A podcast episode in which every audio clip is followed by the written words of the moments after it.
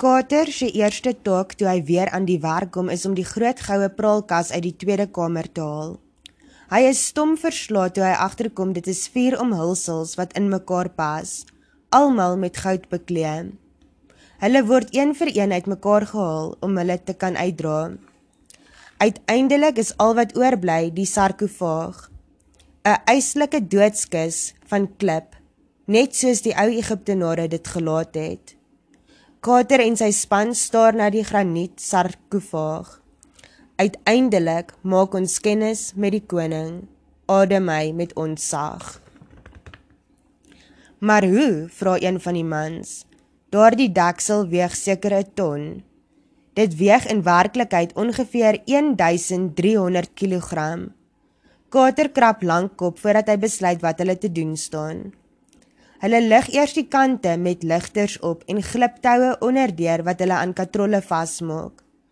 'n Groep belangrike amptenare vergader in die graf om 'n eerste blik op die koning te kry.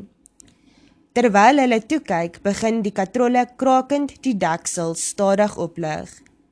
Dit lyk eers of daar net iets swarts in die sarkofaag is. Dis granietskaafsels op 'n verrottende linnedoek. Maar dan tree Kater vorentoe en trek die doek versigtig af. Almal snak na asem. Voor hulle is 'n enorme doodskus met 'n pragtige uitgekerfde gesig wat met blink glinsterende goud oordek is. Dis 'n eislike doodskus, veels te groot vir 'n klein mammie. Daar moet nog kiste binne in wees, roep Kater opgewonde uit. Dit is inderdaad so.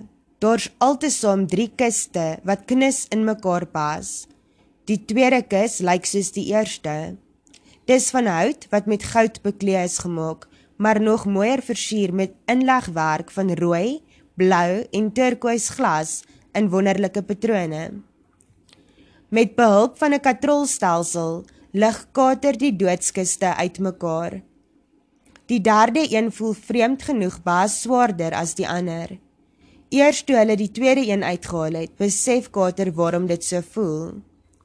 Dis van soliede goud gemaak, snak hy. Dis waarom dit so swaar is. Toe Kater hierdie nuus bekend maak, glo party mense hom nie. Soliede goud, onmoontlik, kam hulle dit af. Maar Kater is absoluut reg. En dit is ook nog nie al nie. Die derde doodskus is met aaklige tygoed bedek. Dit neem Kater lank om dit skoon te maak, al brand hy om te kyk wat binne-in is. Uiteindelik is hy klaar. Daar is sekerlik nie nog 'n doodskus nie, dink hy by homself. Hierdie keer is dit die koning self. Stadig, versigtig lig hy en sy manne die deksel van die wonderlike goue kus op. En so waar. Daar lê Tutankhamun se mammie, rustig met sy arms oor sy borskas gevou. Sy hande is met goud bedek en honderde juwele en gelukbringers is oor sy lyf gestrooi. Oor die koning se kop is 'n goue masker met inlegwerk van kosbare stene.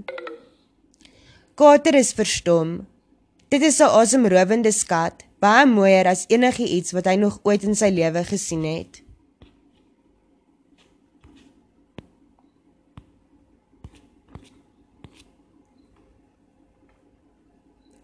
En die res van die wêreld het ook nog nooit so iets gesien nie.